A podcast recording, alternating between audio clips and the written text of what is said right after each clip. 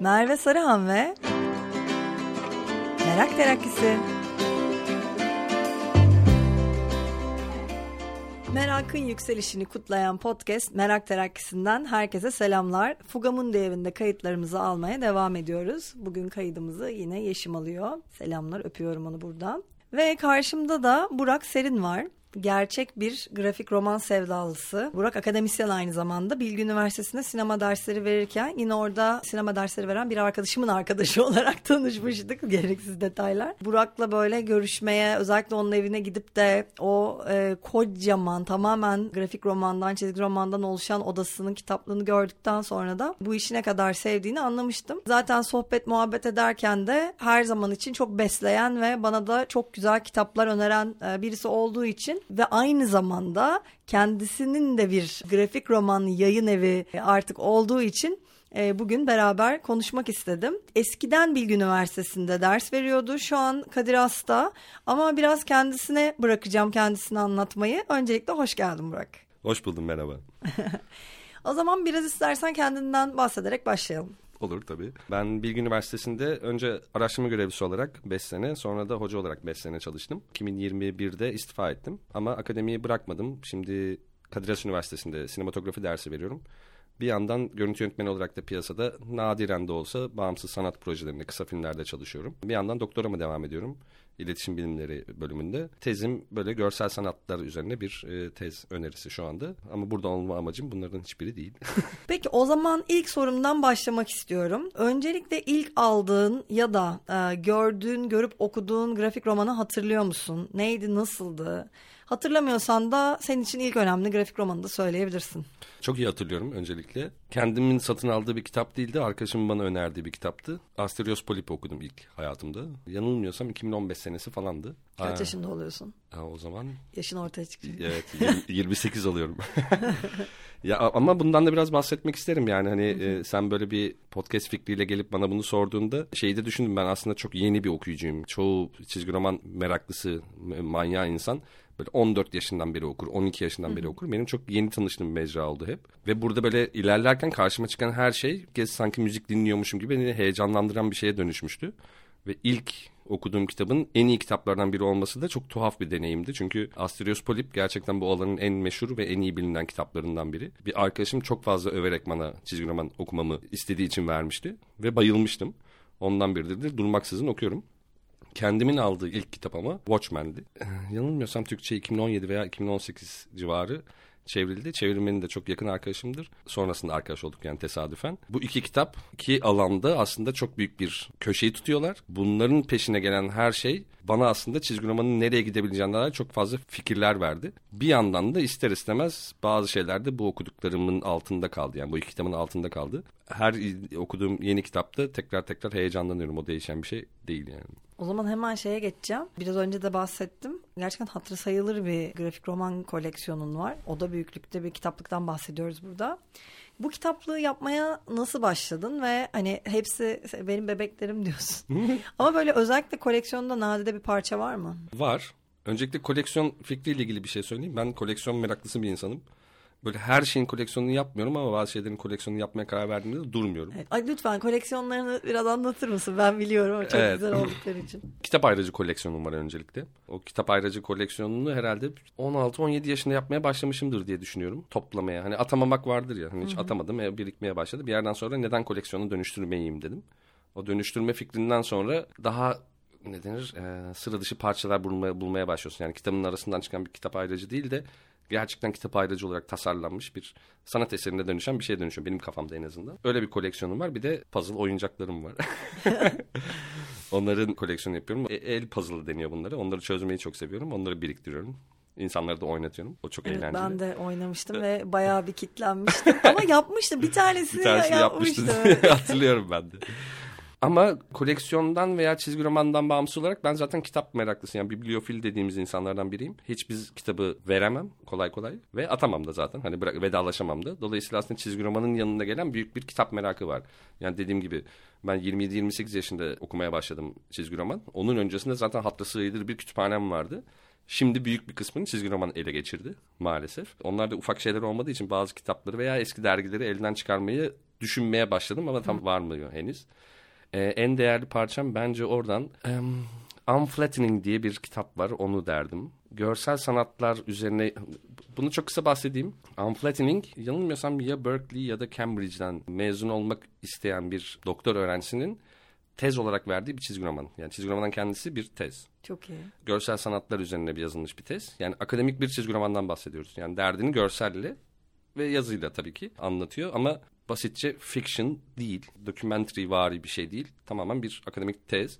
Dünyada ilk bildiğim kadarıyla halen daha. Bence koleksiyonun en önemli parçası o. Çünkü e, ben o kitapla Berlin'de karşılaştım. Online sipariş veren bir insan değilim ben. Bir kitabı gör, görmeden almam. Gördüğüm anda kaçırmadığım eserlerden biri olmuştu. Sonra bununla ilgili bir işte story falan paylaşmıştım ben de Instagram'da.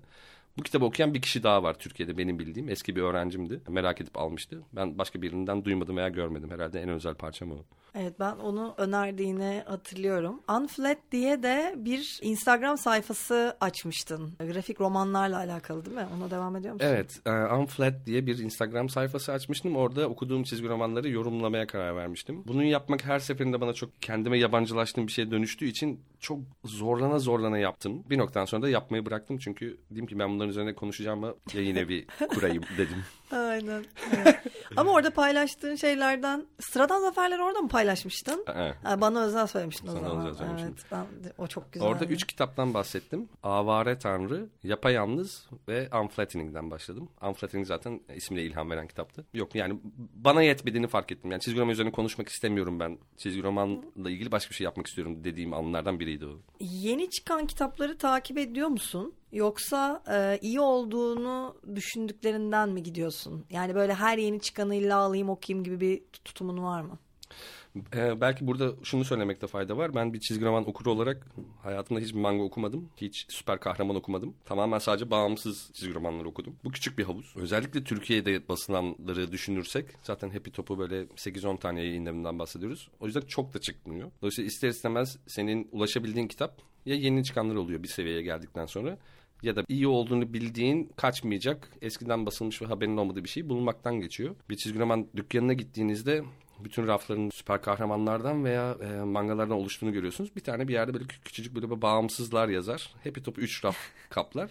E, oradaki her şeyi okumaya çalıştım tabii ki. Bazıları ilgimi çekmediği için almadım ama en azından çizgi roman sever biri olarak mesleki anlamda söylemiyorum yani yayın evi anlamında söylemiyorum. Zaten Hı-hı. almak zorunda kalıyorsun yani hani çünkü. Yani zaten az var. Zaten az var yani. Hem sevdiğin için hem de öğrenme aşkı diyeyim.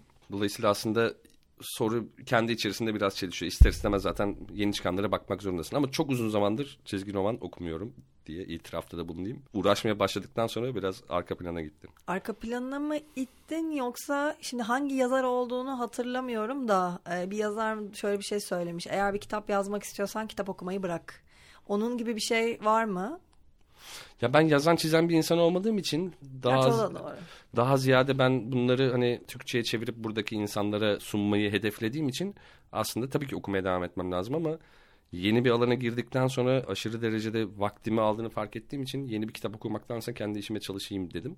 Ama dediğin cümleye katılmıyorum. Hayır kitap yazmak için kitap da okuman lazım yani. Abi, bence de bu arada tabii ki okuman lazım. Şuna da kesin inanıyorum. Yani gerçekten o üslubu fark etmeden de çalabiliyorsun. Ama gerçi o da iyi bir yazarsan kendi üslubun vardır zaten ya, diye kendi kendime çürütür müyüm? Ya bulursun ya kendi üslubunu. Yani ben e, şeyi sevmiyorum. Bilmem ne yönetmeni hiç film izlemiyormuş. Şahane filmler çekiyormuş. Hani böyle başkasının üslubuna yaklaşmamak için falan. Ve ben ona katılmıyorum yani. Hani olabildiğince fazla okuyup izleyip kendi sesini ancak öyle duyabilirsin gibi geliyor bana. O zaman bununla alakalı da bugün bir konuşma vardı. İyi bir fotoğrafçı olmak için çok fotoğraf çekmek yerine çok fotoğrafa bakmalısın gibi bir şey dendi. Güzel o, o da iki ters şeyi söyleyerek her yerden Evet yani ne bileyim sinema açısından söyleyeyim. Yani ben görüntü yönetmenliği yapıyorum. Başka insanların görüntü yönetmenliği tekniklerini, estetiklerini görmeden ilham alamam illa kopyalamaya gidecek bir şey olmak zorunda değil yani. Onlardan ilham alıp kendi sesini, rengini bulmak tabii mümkün. Evet, yani biraz öğrenmek de oluyor aslında yani. onları tekrar etmek şey yapmak. Şu soruyu daha önce bir arkadaşımla tartışmıştım. İnternette bununla alakalı bazı şeyler var ama biraz şeyi sana da burada konuşmak istiyorum. çizgi roman ve grafik roman arasındaki fark nedir? Yani aynı olduklarına dair bir tutum da var. Bana kalırsa çizgi romanla grafik roman arasında Türkçe çeviri içerisinde hiçbir fark yok. İkisi de aynı şeyi karşılıyor. Yani graphic novel dediğimizde bunu grafik roman olarak da çevirebilirsin, çizgi roman olarak da çevirebilirsin. Bence buradaki aynılık çeviriden kaynaklı. Fakat İngilizce'de comic book ve graphic novel arasında ciddi bir fark var. Ondan bahsetmek daha doğru olur. Graphic novel genellikle gerçekten bir roman. Sadece çizgiyle ifade edilmiş. Tabii ki yazıyla da içerecek şekilde ama başlı başına önü sonrası olmayan, çoğunlukla serinin parçası olmayan one shot denir e, İngilizce'de. Romanlardan bahsediyoruz. Comic book bunun aksine daha ziyade süreli yayınlar bunlar. Ayda bir çıkan, peşi sıra gelen, Volume 1, Volume 2, 3. cilt, 5. cilt halinde tekrar eden dizilere deniyor. Süper kahramanlar ve mangalar genellikle bu üslupta basılıyor. 70 cilte kadar giden kitapları var, serileri var. Bu üsluba biraz daha comic book adını veriyorlar. Hı hı. Ben sinema üzerinden örneklendirdiğimde şöyle söylemeyi seviyorum. Bence iyi karşılıyor. Biri film, diğeri dizi, comic book dizi mantığında çalışıyor. Graphic novel öyle olmak zorunda değil ama çoğunlukla tek başına bir kitaptan bahsediyoruz evet. yani. Ya zaten İngilizcesine baktığında da bir tanesi içinde komiklerin olduğu bir kitap. Hı hı. Bir tanesi ise roman yani direkt olarak roman evet. diyor zaten yani. Kendi Birazcık başına bir roman gibi. içinde e, anlatıyor şey Ya başı sonu belli bitiyor.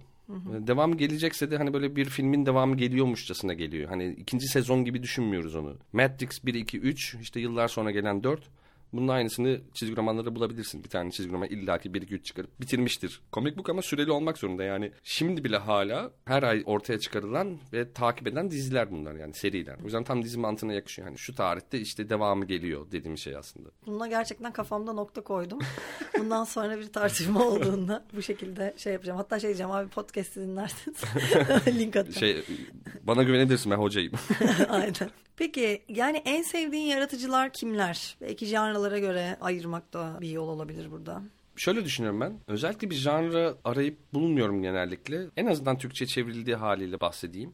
Ben de hani buna katkıda bulunmaya çalıştığım için buraya basılan eserler her ne içerikte ise biraz onu takip etmek durumunda kalıyorsun. Hı hı. Benim gibi evet, eğer manga ve süper kahraman okumuyorsan. Hı hı.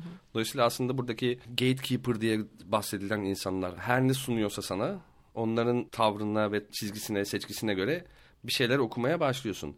Benim gözlemlediğim ama kendi zevkimden ziyade çok da fazla böyle sıra dışı, çarpıcı, uçuk kaçık bir şeyler gelmiyor buraya. Daha çok satacak şeylerin üzerinden geldiği için mi? Yani e, daha klasik, daha frankofon, daha... Evet hep Fransızlar var hakikaten. Ee, bir sebebi var ama bunun. Yani bunu da araştırdım çok haliyle. Fransa'da, Belçika'da ve yanılmıyorsam İspanya'da Kültür Bakanlığı destekliyor çizgi roman çizerlerini. Nasıl ki bizde Kültür Bakanlığı sinemaya destek evet. çıkarıyor. Çizgi romanı çıkarmıyor.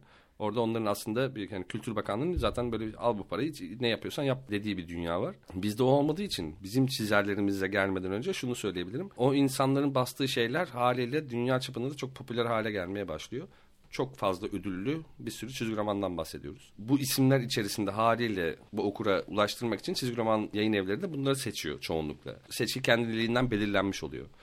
Bana kalırsa ama bunun dışında düşen çok büyük bir yumak var. Ben onda daha çok ilgileniyorum.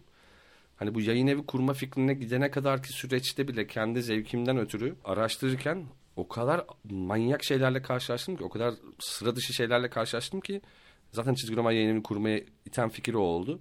Niye bizde yok? Ama o sırada okurken fark ettiğim şey benim kişisel zevkim daha sci-fi, daha eksperimental, daha deneysel, bilim kurguyla yoğrulmuş çizgi romanları daha çok seviyorum ben. Bu çünkü Medium'un, mecranın sana sunduğu olanakları böyle sonuna kadar kullanılan eserler gibi geliyor. Animasyon içinde geçerli değil mi ya? Düz bir animasyon olmasın yani. Böyle delirmiş olsun onu yapan falan istiyorum gerçekten. Utanarak söyleyeceğim animasyon da hiç izlemiyorum yani. Yapma. Ya hatta şöyle bir, bir, bir önceki soruya bağlayarak söyleyeyim. Televizyon dizisi ben çok çok az izliyorum. Neredeyse hiç. Çünkü her filmin kendi estetiği ve üslubunu ve o dünyasını deneyimlemek ve daha fazlasına tanıklık etmek istediğim için oturup beş bölüm bir dizi izleyeceğim ve atıyorum neyse süresi. Üç tane film izlemeyi tercih ediyorum. Özellikle de dizilerin çoğunlukla hikayeye daha fazla önem verdiğini gördüğüm için ben biraz daha form ve estetiğe daha çok önem veririm. Hem sinemada hem de çizgi romanda. Dolayısıyla aslında o serilerin içerisinde kaybolmaktansa birden fazla çizgi roman okumayı daha çok tercih ederim. Dolayısıyla comic book benim hiç radarıma girmiş olmuyor. Anime de bana kalırsa hiç izlemediğim için neredeyse hani anime ile ilgili bir şey söylemeyeceğim. Sinemanın bir takım sınırlarına takılmış bir mecra gibi geldiği için ben kağıtta görmeyi daha çok sevdiğim için çok bakmıyorum. Yani ikisi de çizgiden besleniyor muhakkak. Hı hı. Ama ister istemez anime hala bir takım sinemanın köşelerine takılıyor gibi geliyor. Genel animasyonu da yine de tercih etmiyorsun ya sadece anime değil de.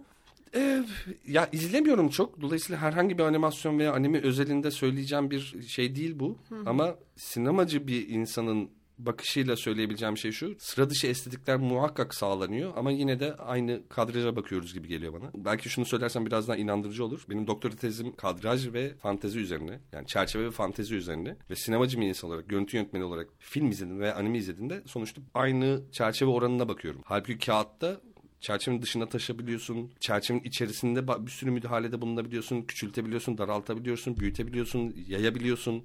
Tam sayfa çizebiliyorsun. Küçük küçük bir sürü bir şey çizebiliyorsun. Hani o okuma deneyimi en azından her ne kadar animede, animasyonda ve çizgi romanda çizgiyle beslense de ben o kağıdın ve aynı çerçeveye mahkum kalmamanın daha yaratıcı bir ifadesi olduğunu düşünüyorum.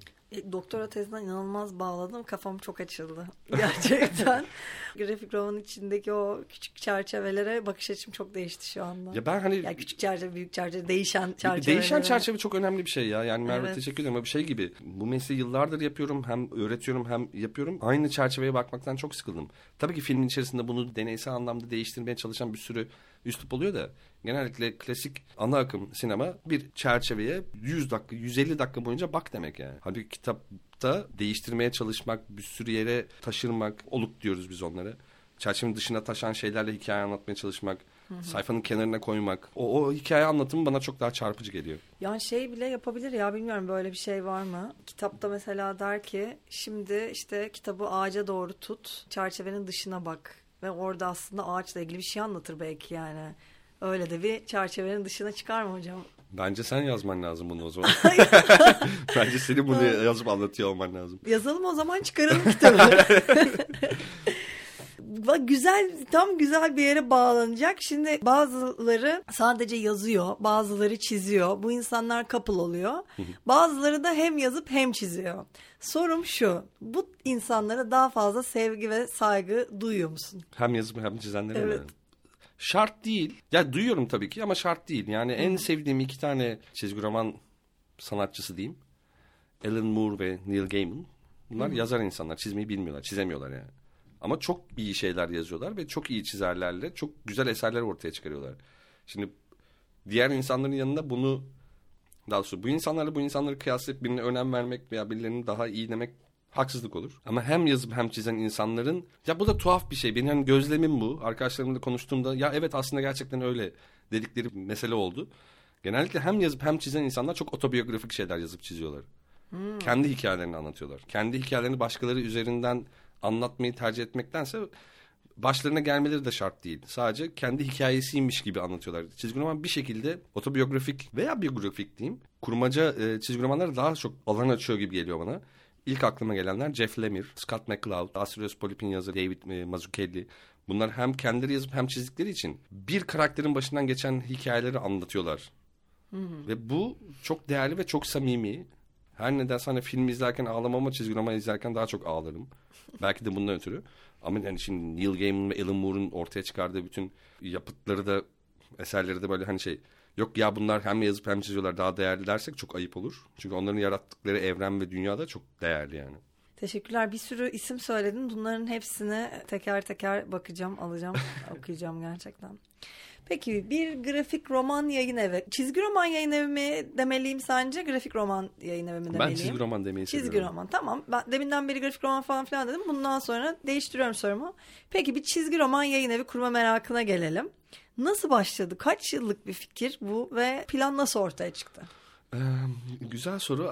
En başta çizgi roman basacağım ve bir yayın evi kurmak istiyorum diye bir fikirle ortaya çıkmadım. Herhalde 2017 senesi falandı. Ben çok fazla bilim kurgu okuyorum. Türkçe'ye çevrilmemiş onlarca bilim kurgu romanı var. Şimdi İngilizce okuyabiliyorum bunları ama şey istiyorum. Bir o kadar para vermeyeyim. Dışarıdan ithal ediliyor. Euro fiyatıyla ödüyorsun, alıyorsun.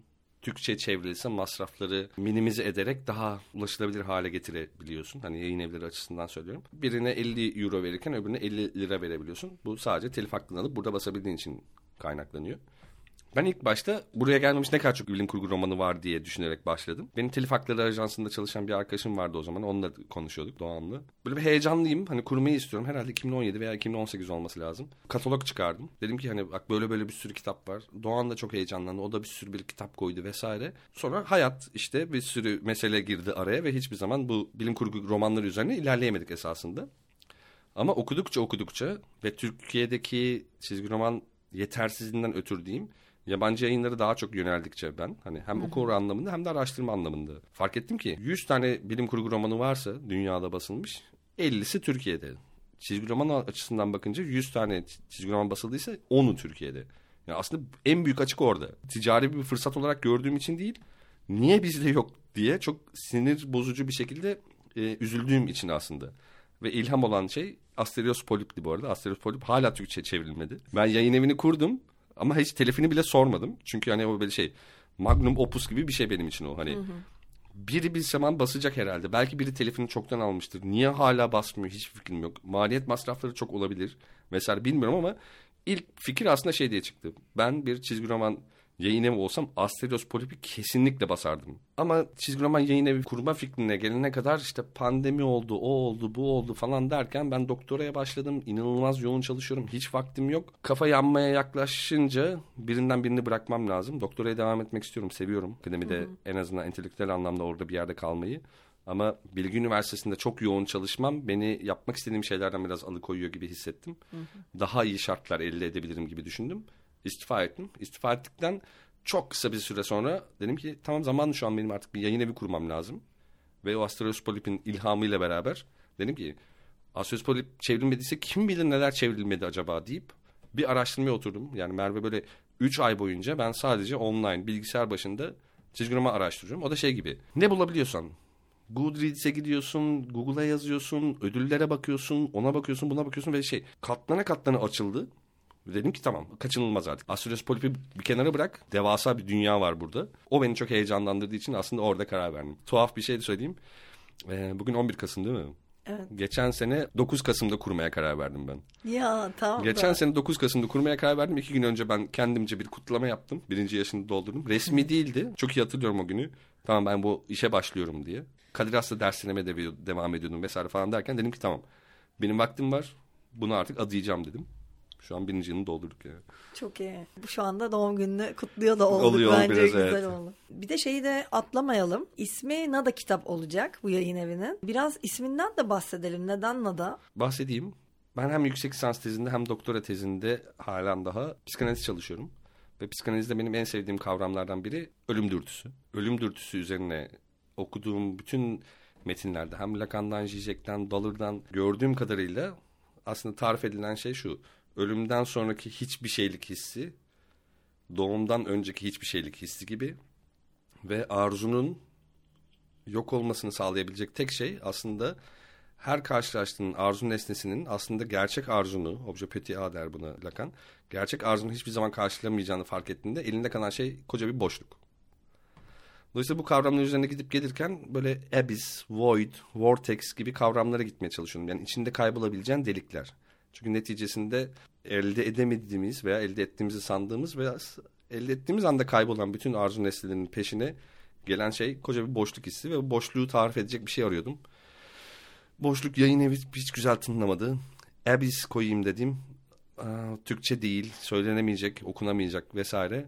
O yüzden farklı dillerdeki karşılıklarına bakmaya başladım. Nada hem Türkçe tınlıyordu hem de Nada İspanyolca hiçlik demek. Çok hoşuma gitti herhalde bunu da karar verişim böyle bir 3-4 sene öncesidir. Her ne kadar bir sene önce kurduysam da. Ondan beri hep fikir üzerine döndü ve Nada diye kaldı.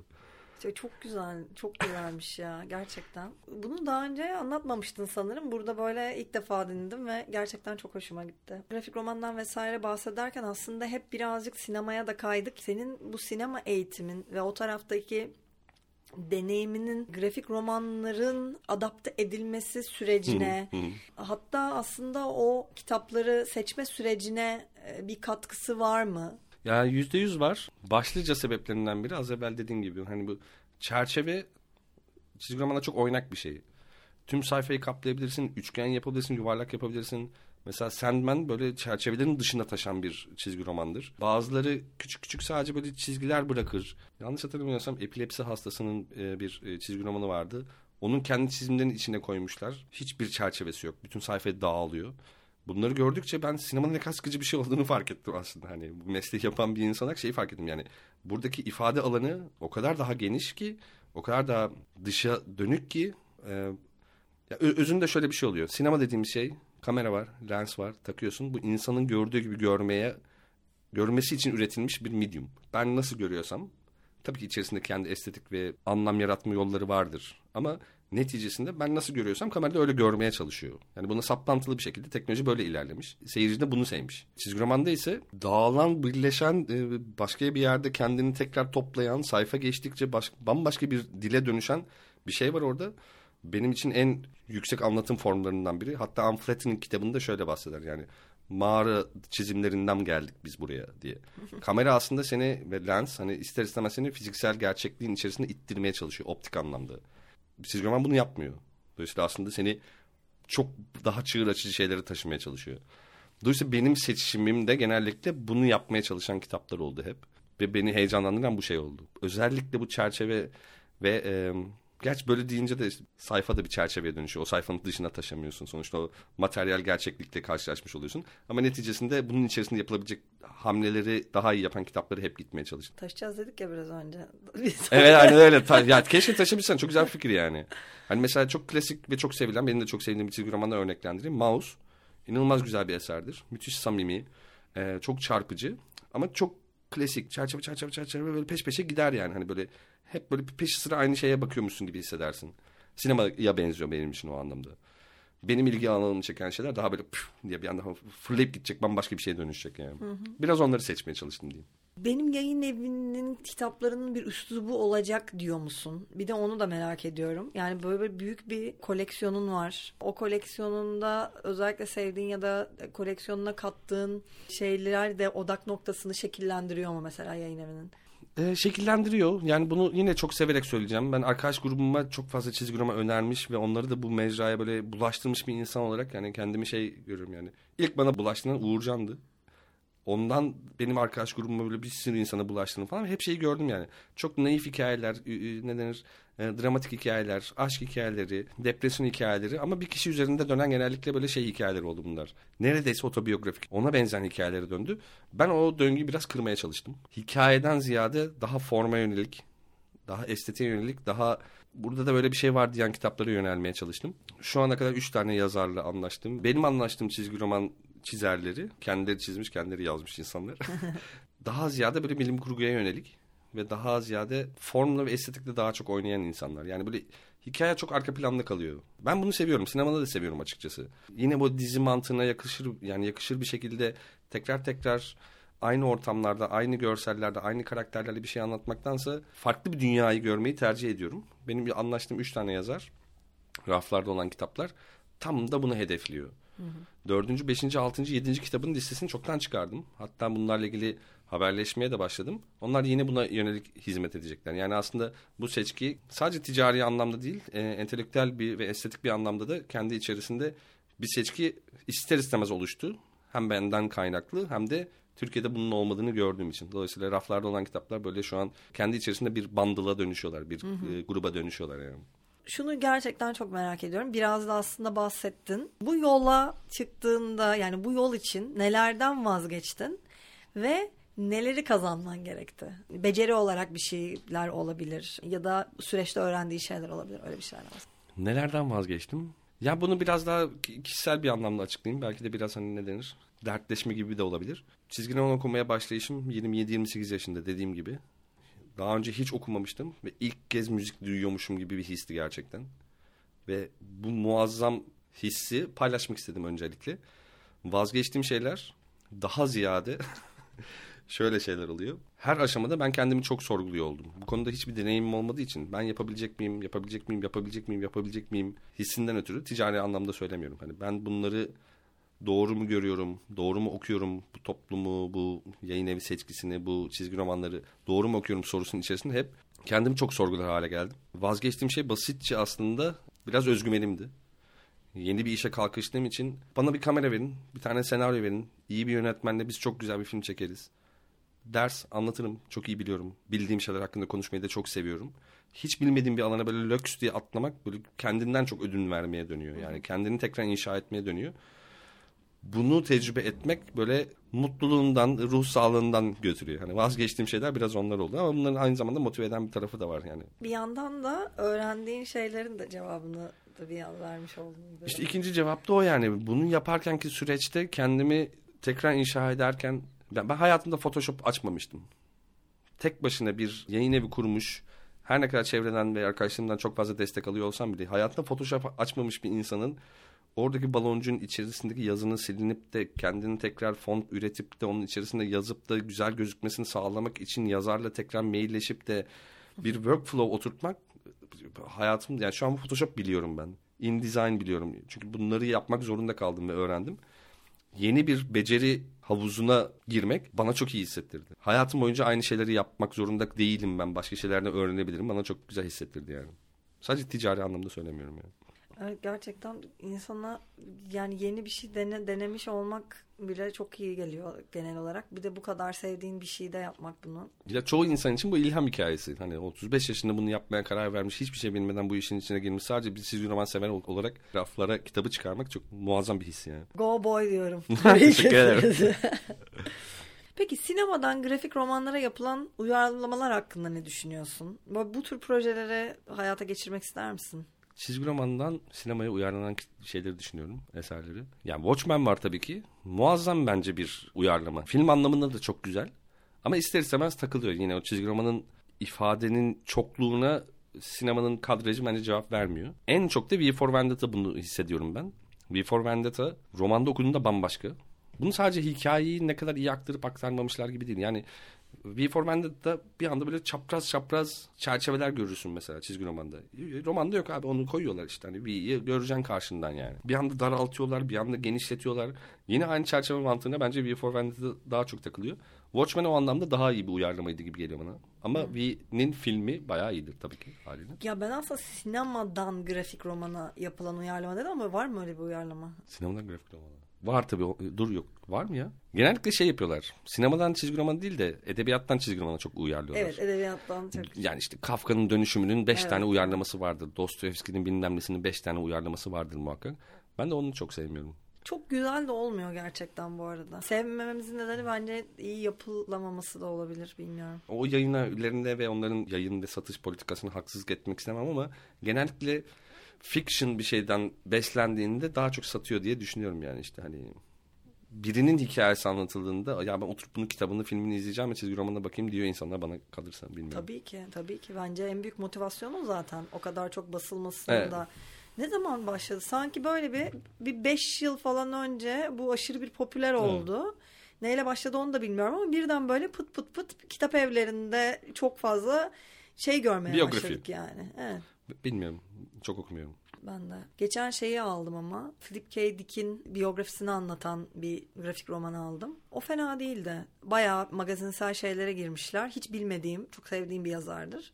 Hiç bilmediğim şeylerini öğrenmiş oldum oradan. K. Dick çok okudum da yani hayatını hiç bilmem. Çizgi romanı da bilmiyorum. bilmiyorum heyecanlanmıyorum ya ben bunları. Okay. Abim Kafka'nın dönüşümünün işte bir tane çizgi romanı hediye etmişti bana vakti zamanında güzel çizilmiş falan da edebiyatı daha güzel dedim geçtim yani. Evet evet. Baby Blue'yu okudun mu? Okudum. Geçen gün şey çıktı ya Instagram'da kendinizi bir film, bir kitap, bir bilmem ne olarak e, bir albüm e, bir de ne diyordu bir şey olarak anlatın. 3-4 tane şey koyuyorsun. Hı hı. Gerçekten böyle düşündüm ve şu anda bu story'e koymadım ama sonra story'e. Story'e Baby Blue'yu koyabilirim dedim. Öyle mi diyorsun? Evet bu aralar öyle gibi hissettim. Ben Baby Blue, Blue'da en çok hissettiğim şey şuydu. Çok basit çizimlerle çok kompleks bir dünyayı çok doğru şekilde anlatmış gibi geldi. Yani çizgi romanlarda böyle bir şey de var. İnanılmaz iyi çizmek zorunda değilsin. Hani çizgi dilinin veya çizim tekniğinin değil de o formatın, o çerçevelemenin veya o hikaye dilinin gücünü bir fark ettiğinde aslında çizginin kendisinin çok bir önemi kalmıyor. Baby Blue bana en çok hissettirenlerden biriydi çok merakla aldım ben Baby Blue'yu. Çünkü o da yeni e, kurulmuş bir yayın evi. Hmm. Ne basıyorlar acaba? Ne basacağımaya devam edecekler diye. Bütün kitaplarını aldım okudum. Mangalar hariç. Ve dedim ki hani ne getiriyorlar? Hani ne katıyorlar buraya diye. Hmm. Ya böyle rakip gibi gördüğüm için değil sadece. Hani ben nereye konumlanacağım merakı evet, da var. Evet, bir de hani yeni bir şey bakalım diye. Çok, çok hoşuma gitmişti benim o roman. Ama gerçekten çizimlere baktığınızda benim başıma geliyor açık, açıkçası. Hani açtım güzel gözükmüyor ya bu deyip kapatıp almadığım oluyordu. Baby Blue'yu böyle bir mesleki anlamda alayım bakayım ne yapmışlar diye okudum. Ee, ben çok güzel bir hikaye. Evet gerçekten. Ben çizimlerini de zaten çok beğeniyorum. O, o tipleri, tiplemeleri. tipler güzel evet. evet tipler güzel. Sonra yazarın Instagram'ına falan da baktım. Kim Erikson Çizerin dedi. aynen öyle olması Kimmiş lazım. Ee, orada da mesela eskizlerini de paylaşmış. Yani kitap çıkmaya başlamadan önce bir şeyler denemiş falan filan. O tam o kafalar öyle değilmiş. falan. Güzeldi bayağı ilgimi çekti. Bak senin sayende aslında senin sayende buralara buralardayım şu anda. Ben de çok şey oldum. Grafik roman sever bir insan oldum gerçekten. Grafik roman yayıncılığında zaten sen de bahsediyorsun. Aslında az var ama yani burada diyebileceğimiz büyük de var, küçük oyuncular da var. Sen yayın evini kendine özgü nereye konumluyorsun ve katkısı sence ne olacak? Yani biraz bahsettik ama belki hani özel olarak buna katma bu soruya vermek isteyeceğim bir cevap vardır. Ya var. Hatta üzülerek de vereceğim cevaplar. Ee, ben Türkiye'deki tur çizgi romanların özellikle benim hem sevdiğim hem de basmayı düşündüğüm bağımsız çizgi roman dünyasında Türkiye'deki seçkiyi ben gerçekten buzdağının görünen kısmı gibi görüyorum. Üç ay ciddi anlamda bir araştırma yaptıktan sonra inanılmaz kafa açıcı şeylerle karşılaştım. Keşke olsa dediğim. Açıkçası oraya eklemeye çalıştığım şey o keşke olsaların riskini alabilmek biraz. Yani şeyin çok farkındayım. Çok az okuyan bir kitle var. Çok az okuyan kitlenin çok az okuduğu alan bağımsız çizgi roman. Onun içerisinde bana kalırsa ama çok daha fazla bir talep doğmaya başlayacak. Yanlış anlaşılmasın tekrar yani ticari anlamda söylemiyorum. Üniversitede çalışan bir hoca olarak jenerasyonları çok iyi takip ediyorum ben. 10 sene önce araştırma görevlisiyken derse girdiğimde insanların okudukları ve izledikleri şeylerle şu an günümüze geldiğimizde insanların okudukları izledikleri şeyler arasında muazzam derecede bir fark var. En büyük sebebi de insanlar çok hızlı tüketmek istiyor. Çabuk bitsin istiyor. Okumak istemiyor, görmek istiyor. Her şey böyle kısalıyor ve daha böyle yoğunlaşmış hale geliyor. Bundan ötürü zaten buraya müthiş bir ilgi kaydı kaymaya da devam edecek. Hem böyle Kore kültüründen ötürü manga olsun. Hı hı. Hem süper kahraman filmleri dünyası olsun. İster istemez insanların bazıları şeyi de fark edecek. Eğer bu mecrada hala kalmayı istiyorsa. Bakalım sıra dışı ne var? Ben o sıra dışılıktayım. Biraz daha neden, arka sokağın çocuğuyum ya. o zaman bu yapmaya çalıştığın sıra dışı kitaplardan bahsedelim. Üç tane kitap aynı anda raflara girdi. Biraz bahseder misin kitaplarından? Evet tabii bahsederim. Yani bu sıra dışı çarpıcı deneysel bilim kurgu dediğim şeyin altını doldurmuş olurum hem. İlk benim aldığım umarım Nada'nın ömrü uzun olur. Çok fazla insana ulaşır.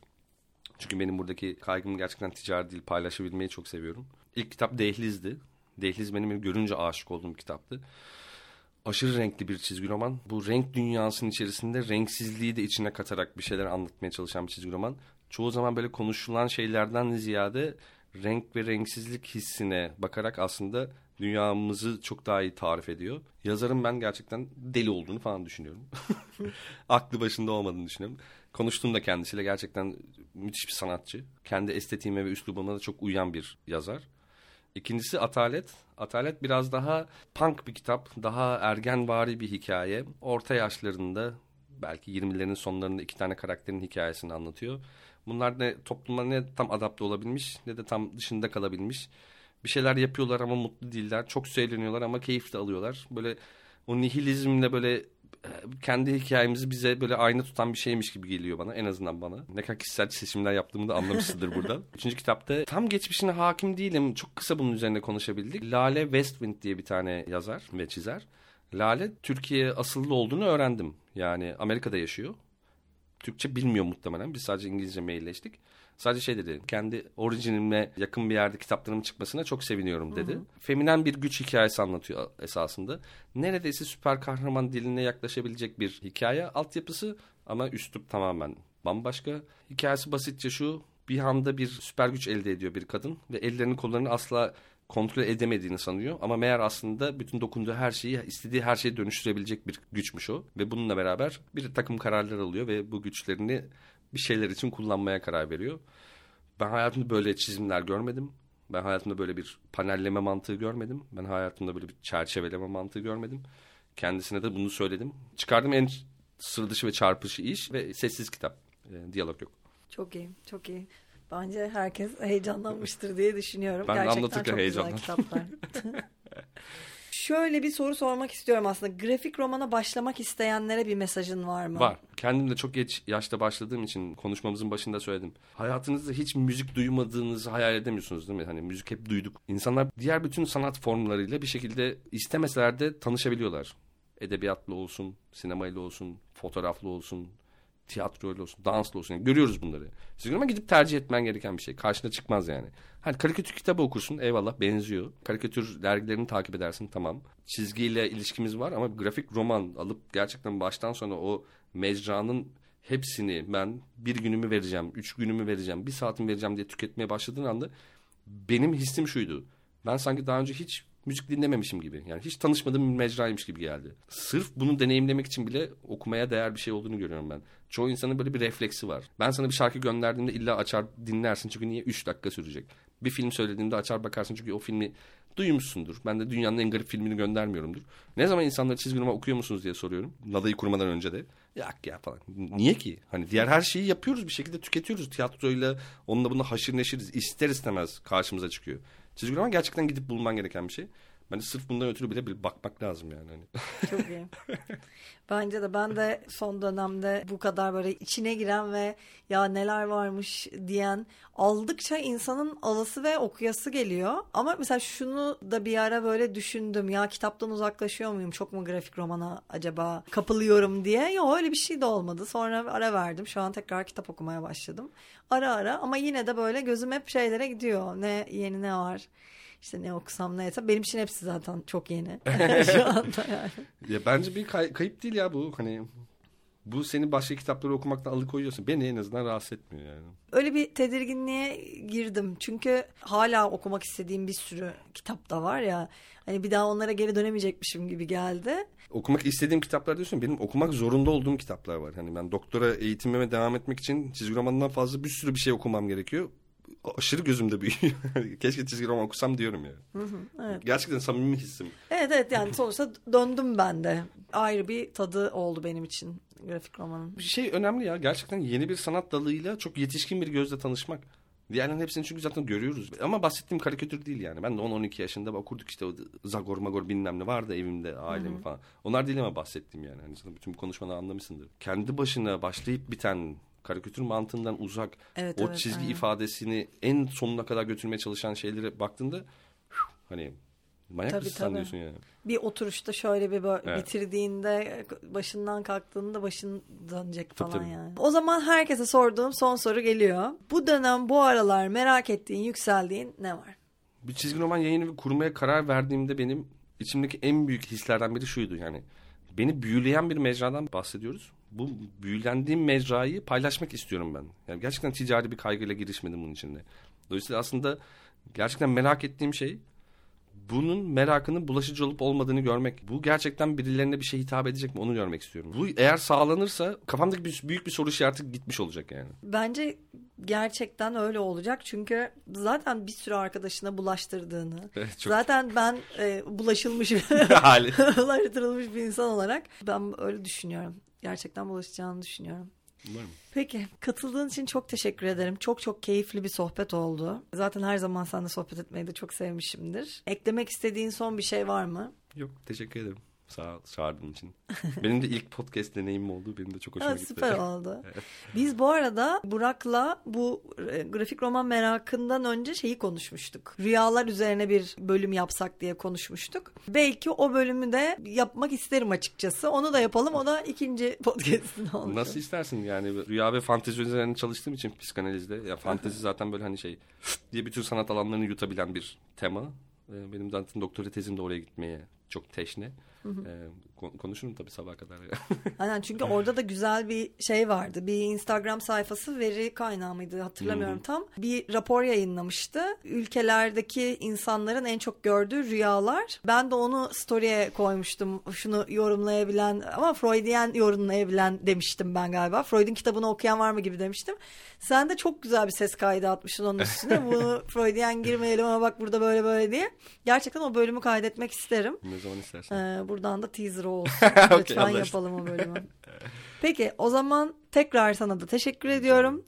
Bir sonraki bölüme kadar kendinize iyi bakın. Merakla kalın. Merak terakkisi bitti. Fugamundi sundu.